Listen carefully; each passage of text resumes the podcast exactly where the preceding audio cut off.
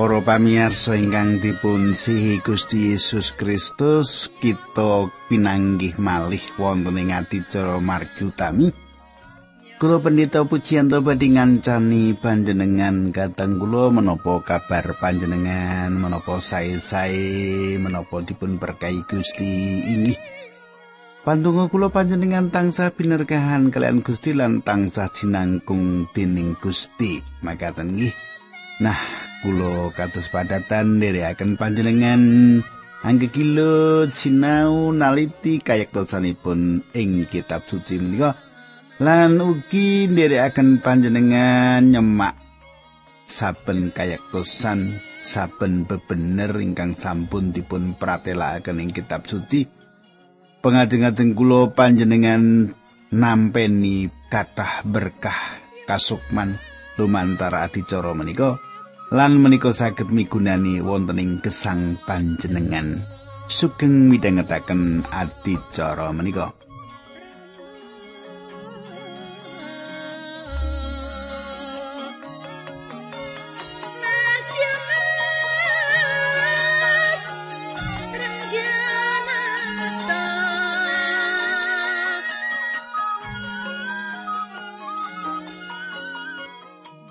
Kadang kula menapa panjenengan tasih kemutan pepanggian kepengker kula badhe sekedhik ngringkes menapa ingkang kula aturaken nalika pepanggian kepengker.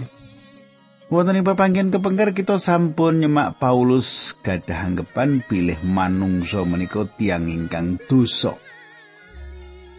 Wonten sawetawis pandakwa ingkang dipun paringaken dumateng manungsa. Menapa kemawon pandakwa menika? Kita badhe inggal-inggal ningali nanging saderengipun monggo kita ndedonga langkung rumiyin. Duh Kanjeng Rama ingkang ada dampar wonten kraton ing kasuwargan kawula ngaturaken gunging panuwun.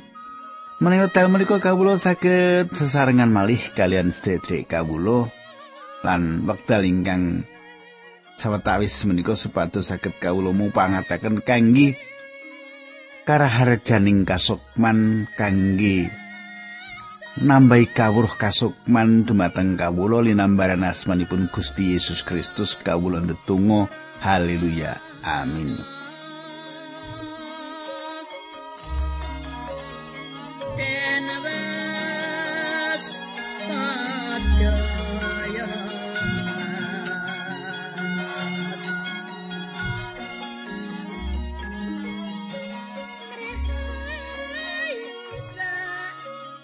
Para pamirsa samenika pasinon kita sampun lumebet ing serat Rum 3 ayat 12. Kula badhe ngaturaken pandhakwa ingkang kawitan nggih menika ayat 12 bab 3 serat Rum. Rum 3 ayat 12. Ing kitab suci katulis mengkene siji wae ora ana wong sing bener. Para pamirsa, menapa liripun dados leres? Leripun inggih menika nindakaken ingkang leres. Tumindak leres kangge sinten? Temtunipun kita kedah nindakaken tumindak ingkang leres menika kangge Gusti Allah. Tumindak leres kangge Gusti Allah leripun radi benten kalian tumindak leres kangge sesami manungsa. Kita kedah saged gayuh satunggalipun pasarujuan supados saged dipun wastani leres. Kita kedah saged nggayuh satunggalipun patrap ingkang dados keparengipun Gusti supados saged dipun wastani leres. Nanging menawi kita badhe tumindak leres kunjuk Gusti Allah, kita kedah nindakaken selaras kalian menapa ingkang dados paugeranipun. Panjenengan boten saged sembrono kalian Gusti Allah. Kawilujengan ingkang saking Gusti Allah inggih menika perkawis panjenengan mundut utawi panjenengan nilaraken. Kawilujengan ingkang saking Gusti Allah terserah panjenengan. Panjenengan badhe pundut utawi panjenengan tilaraken. Gusti Allah mboten maksa sinten kemawon supados purun nampi kawilujengan ingkang dipun paringaken. Mboten wonten setunggal tiang kemawon ingkang nindakaken ingkang leres selaras kalian ukuran Gusti Allah. Mboten wonten tiang ingkang nindakaken selaras kalian cara ingkang dipun kersakaken Gusti Allah. Inggih menika dakwan kawitan saking sang hakim. Pandhawa kaping kalih inggih menika ayat 11 tubi panjenengan semak. Ora ana wong sing ngerti utawa sing kepengin ngerti marang kersane Gusti Allah. Kanthi tembung sanes katang kula mboten wonten setunggal tiang kemawon ingkang patrapipun selaras kalian kawruh ingkang dados kagunganipun Gusti Allah. Mboten wonten setunggal tiang ingkang dados keparingipun Gusti Allah. Ora ana kula ya ora dadi keparingi Gusti Allah panjenengan ya ora iso dadi keparingi Gusti Allah. Mboten wonten kadirosipun ayat 11 Kaping 3 ora ana wong siji wae kang goleki Gusti Allah. Ing wekdal menika Gusti Allah mboten sesingitan Gusti Allah sampun meratelaken sariranipun panjenenganipun. Gusti Allah ngejuwantah lan meratelaken dumateng manungsa bilih manungsa inggih menika tiang dosa lan Gusti Allah nawakaken kawilujengan dumateng manungsa. Lan kawilujengan ingkang dados peparingipun cetha panjenengan mangertos menika. kumpulan cariyos sagami meratelaken manungsa madosi Gusti Allah. Wonten ingkang sanjang bilih wonten proses evolusi agami satunggalipun pambudidaya manungsa madosi Gusti Allah. Menapa pancen agami menika sarana manungsa madosi Allah? Boten manungsa boten manggihaken ingkang mawa teges kegayutan Gusti Allah kanthi pangertosanipun piyambak. manungsa mboten manggihaken ingkang wonten maknanipun gegayutan Gusti Allah kanthi pangertosanipun piyambak. Manungsa mboten majeng katebian ing arah menika. Awit manungsa mendhet margi ingkang lepat. Manungsa menika nebih saking Gusti Allah. Pandhawa ingkang kaping sekawan dipun damel panjenenganipun. Ayat 12. kabeh wong padha nyeleweng kabeh tanpa gino ora ana kang gawe becik siji wae ora ana kabeh wong padha nyeleweng kabeh tanpa gino ora ana kang gawe becik siji wae ora ana Kadang kula manungsa mubeng-mubeng, manungsa nilaraken margi ingkang dipun mangertosi minangka margi ingkang leres. lan suku-suku primitif gadah tradisi kino ingkang wangsul ing jaman leluhuripun tepang Gusti Allah ingkang leres lan gesang. Menawi panjenengan jujur panjenengan emut menawi panjenengan boten nindakaken kados dene ingkang ketahipun panjenengan tindakaken. Nemenipun panjenengan boten gadah pepinginan nindakaken sinaosa panjenengan mangertos menapa tegesipun. Panjenengan sampun medal saking margi manungsa nyimpang saking margi menika. Inggih menika kaping sekawan pandhawa ingkang Gusti Allah yoso pandhawa ingkang kaping gangsal inggih menika kabeh tanpa gino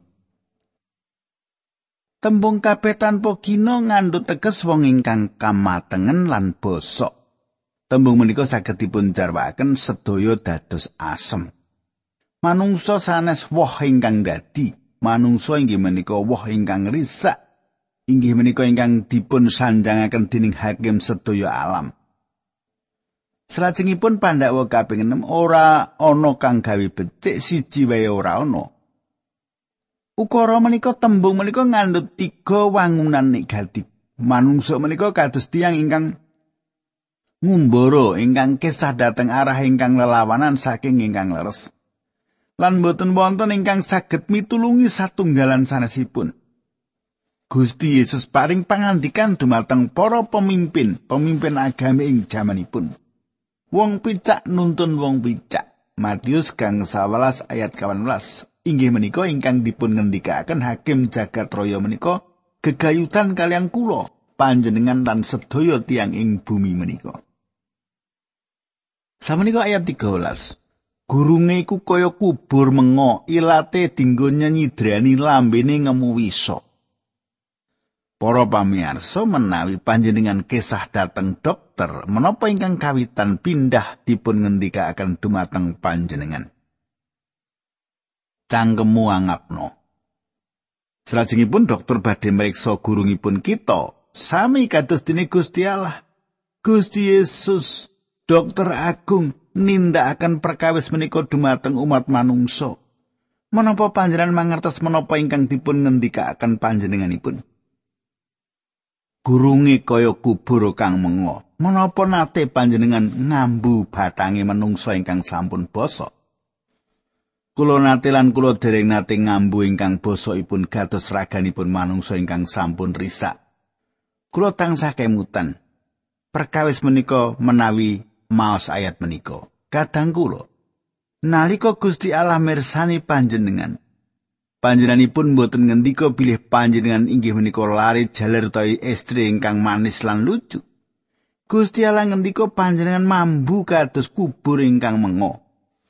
Lan perkawis ingkang kaping kalih ingkang dipun sanjangaken dokter dumateng kula sasampunipun piyambakipun mriksa gurunipun kula inggih menika ilatmu eletno. Inggih menika ingkang dipun ngendikaken Gusti Allah dumateng keluarga manungsa ngleletno ilat. Lan wekdal Gusti Allah mriksa ilat manungsa liripun ilat panjenengan lan kula menapa panjenengan menapa ingkang dipun ngendikaken panjenengan. Perkawis kaping 3 ingkang dipun ngendikaken nggih menika lambene kok ngandut wisa kateng kula. Ing wekdal kula lan keluarga kula kisah dateng kebun binatang ing kebun binatang menika wonten kandang sawar ingkang ageng. Ing wekdal kula ningali siungipun sawar galak menika kula mbayangaken wisa ingkang wonten ing lebet siung menika. Menawi panjenengan samenika ningali pangilon, panjenengan badhe ningali ilat ingkang langkung bebayani tinimbang kalian sawar ingkang galak. Ilat babar pindah mboten saged ngrisak nami panjenengan. Ilat saged mejahi badan panjenengan nanging mboten saged ngrisak nami panjenengan. Panjenengan gadah ilat ingkang saged panjenengan ginakaken ngrisak nami tiang sanes. manut kula perkawis ingkang paling galak ing gereja-gereja kita inggih menika gosip ingkang sumebar. Kanthi ilatipun tiang-tiang goroh lan lambenipun mawa wisa. Wisa ula bangkotan. Oh, kados menapa galakipun ilat manungsa, kados pun tiangkenipun gegirisi. Nah, menika kita lajengaken ayat sekawan belas cangkeme kebak pangipat-ipat. Kadang kula inggih menika perkawis ingkang kaping sekawan ingkang dipun ngendikaken dokter agung atas manungsa tutukipun kebak ipat-ipat goroh lan apus-apus ilatipun ngemut piolo lan tanpa gino. Tiang-tiang menika ugi kanthi gambelipun ngipati-pati. Tiang-tiang menika wasis ngginakaken tembung-tembung saru ketimbang ingkang sanes. Selajengipun Gusti Allah ngendika ingkang kaping gangsal ayat gangsal enteng sikile yen arep ngutahake getih. Katang kula Yesaya 59 ayat pitu nyukani model ingkang jangkep inggal-inggal angguna nglakoni piolo lan inggal-inggal arep ngilekake getih wong kang ora luput rancangane iku pangrantame ngambek sia tuwin menyang ngendi wae parane mesti ninggal karusaan lan gempuran Saestu gambaran ingkang gegirisi kegayutan umat manungsa enteng sikile yen arep ngutahake geteh. Ayat 16 Karusaan lan kesrakahan ana ing dedalane. Manungsa nilaraken karisaan lan kangilan ing wingkingipun. Perkawis menika kacakep ing Yesaya 59 ayat 7 ingkang sampun kula waos kala wau. Ayat 17 lan dalaning tentrem rayu ora disumurupi. kadang kula manungsa mboten mangertos margi katentreman. Panjenengan pirsani jagat panjenengan ing jaman-jaman iku sadangunipun mataun-taun manungsa tasih ngrembak bab katentreman nanging dereng mugi manggihaken. Mboten wonten katentreman ing salebetipun jagat menika. Ayat 12 padha ora duwe wedi asih marang Gusti Allah. Kadang kula Paulus ketingalipun meratelaken ingkang pungkasan bilih sedaya manungsa menika dosa. Manungsa mboten ajri dumateng Gusti Allah babar pindah. Manungsa gesang kados-kados Gusti Allah mboten nate wonten sayektosipun manungsa lumawan Gusti Allah. Saestu gambaran ingkang awon patrapipun manungsa menika? Saestu gambaran ingkang awon tumrap umat manungsa menika? Ayat 19 nanging kita padha sumurup yen kabeh kang kameting kitab Taurat iku katujuake marang wong-wong kang kawengku ing angger-anggering trete supaya wong kabeh padha kabungkem cangkeme lan jagat kabeh iki kena kapatrapan ing paukumane Gusti Allah. Kadang kula manungsa mboten saged nggayuh kayektosan kanthi paugeran Musa, manungsa kados-kados wonten ing salebetipun kahanan ingkang nglokro lan pepakenipun Torat dados ingkang badhe mitulungi ing wekdal badhe kasilep. Pepakon Torat mboten badhe saged mitulungi. Sayektosipun ingkang dumados malah kosok balinipun. Gumantung ing pepakeanipun Torat. Sami kalian tiang ingkang mlumpat saking montor mabur tiang menika malah mboten beto payung ning malah beto sekantong semen. Pepaken Torat badhe ngirit panjenengan mangandap pepaken Torat ngukum manungso ayat kali dosa. Sebab siji wae ora ana wong kang kabenerake ana ing ngarsane Gusti Allah marga saka anggone netepi angger-anggering Torat awit malah ya marga saka angger-anggering turat iku wong padha nyumurupi kadang kula Samenika kula badhe nantang sinten kemawon ing jaman-jaman nika ingkang pitados bilih kita ketambangun turut dumateng pepakenipun Torat supados pilujeng. Supados maos ayat menika lan nyukani keterangan. Sebab siji wae ora ana wong kang kabenerake ana ing ngarsane Gusti Allah merga saka nggone netepi angger-anggering Torat. Lan kabenerake liripun dipun nyatakaken leres dipun wilujengaken saged nggayuh ukuran-ukuranipun Gusti Allah. Panjenengan boten nate badhe saged nindakaken pepaken menika. Menika saestu-estu mokal dipun tindakaken umat manungsa. Menawi kados mekaten menapa ingkang dipun kajengaken gegayutan pepakenipun Torat menika, malah awet pepakone Torat ora ngerti dosa. Mboten kok nyawisaken kawilujengan kangge menungsa pepakenipun Torat malah ngatingalaken manungsa minangka tiyang ingkang nindakaken dosa. Ayat selikur balik ing saikine tanpa angger-anggering turat kaya kang kapratelaken kitab turat lan kitab-kitab para nabi kabeneraning Allah iku wis kalairake. Kadang kula kabeneraning Allah kedah dados kabeneranipun Gusti Allah awit tembung sandang menika mboten wonten ing basa Yunani.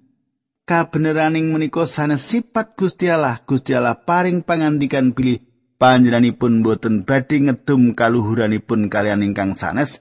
Menika ugi sanes kabeneranipun manungsa Gusti Allah sampun paring pangandikan pilih sekateng kamursitan kawula punika kados dene lawon ingkang reget Yesaya swidak papat ayat 6 lan Gusti Allah boten kersa ngasta lawon reget menawi Kados makaten kabeneran ingkang kados pundi ingkang dipun kajengaken Paulus menika kabeneran ingkang Gusti Allah cawisaken Sang Kristus dados kaitosan kita kabeneran kita.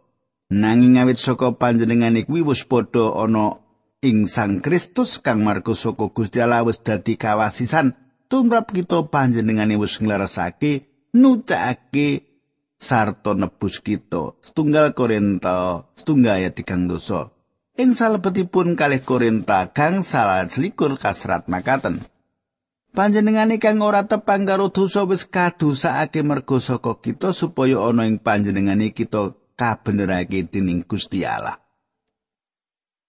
Penting sangat tumrap kita kangge ngakeni bilih Gusti Allah inggih menika satunggal tunggalipun ingkang nyawisaken kabeneran menika.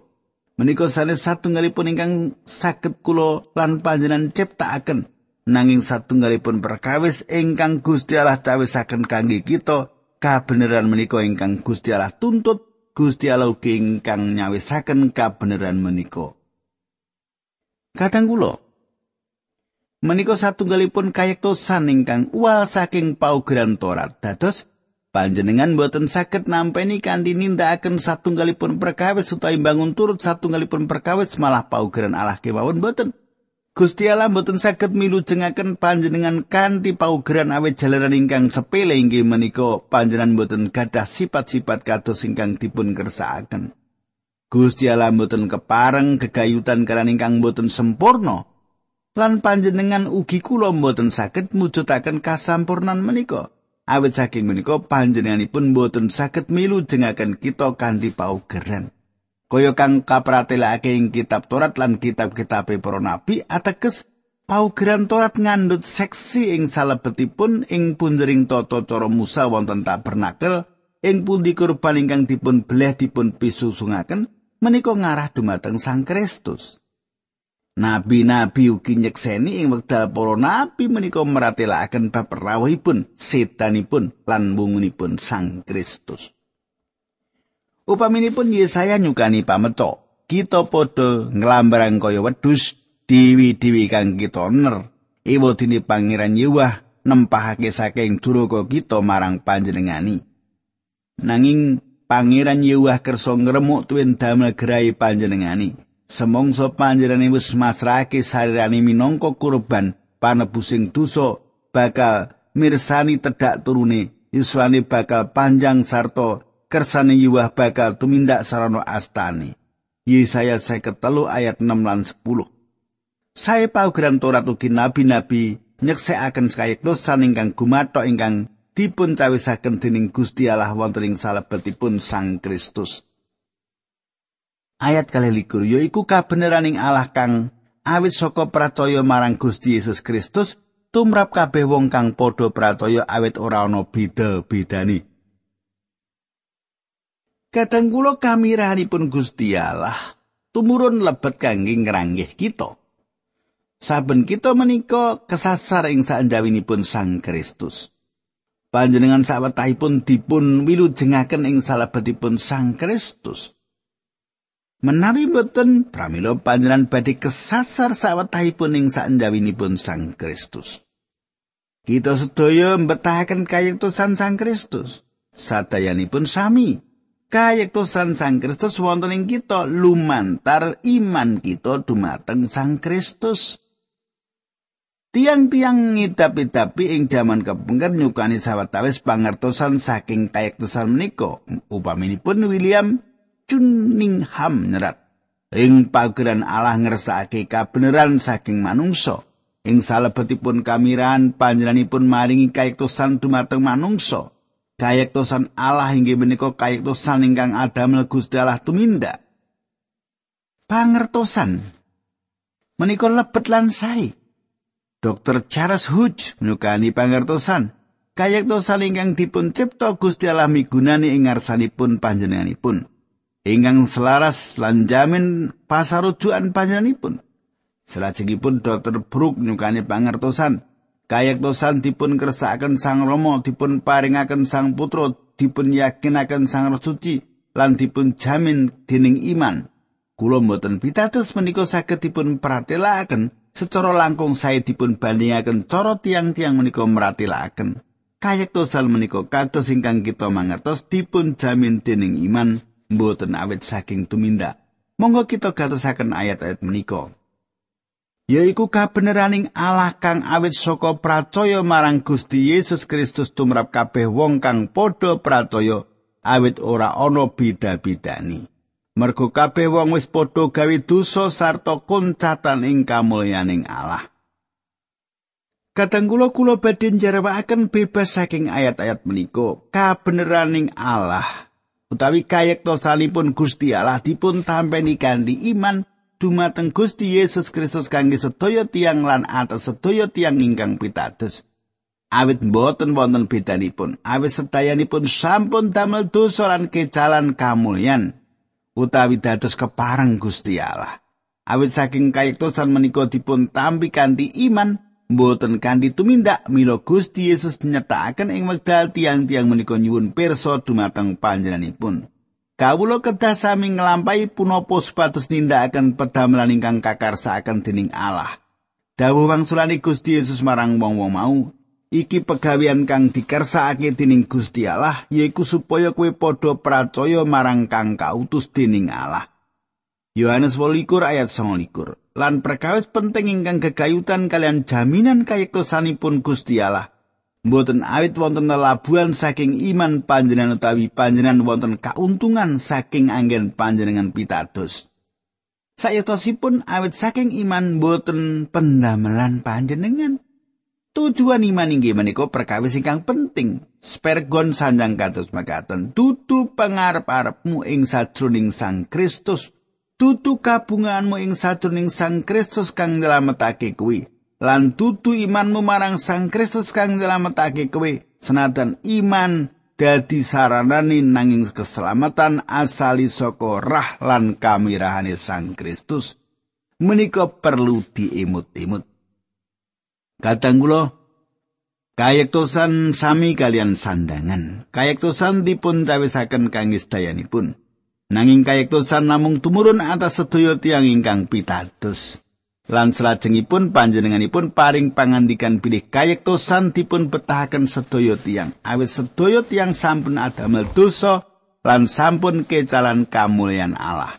Menika mboten ate kesing antawisipun tiang-tiang dosa mboten wonten bentenipun panjenengan dereng dumugi ing kamulyanipun Allah. Amin. Kadang kula menapa malih ingkang badhe dipun pratelakaken ing salebetipun serat Roma menika kita lajengaken ing dinten candhaipun lan panjenengan kedah mboten ketinggalan dados panjenengan bijing saged sesarengan kalian kula lan samenika monggo kita ndedonga. Duh Kanjeng Rama ing swarga kawula matur nuwun atas wekdal ingkang paduka paringaken menika lan kawula pasrahaken sedherek kawula menika wonten ing asta paduka linambaran asmanipun Gusti Yesus kawula ndedonga. Amin.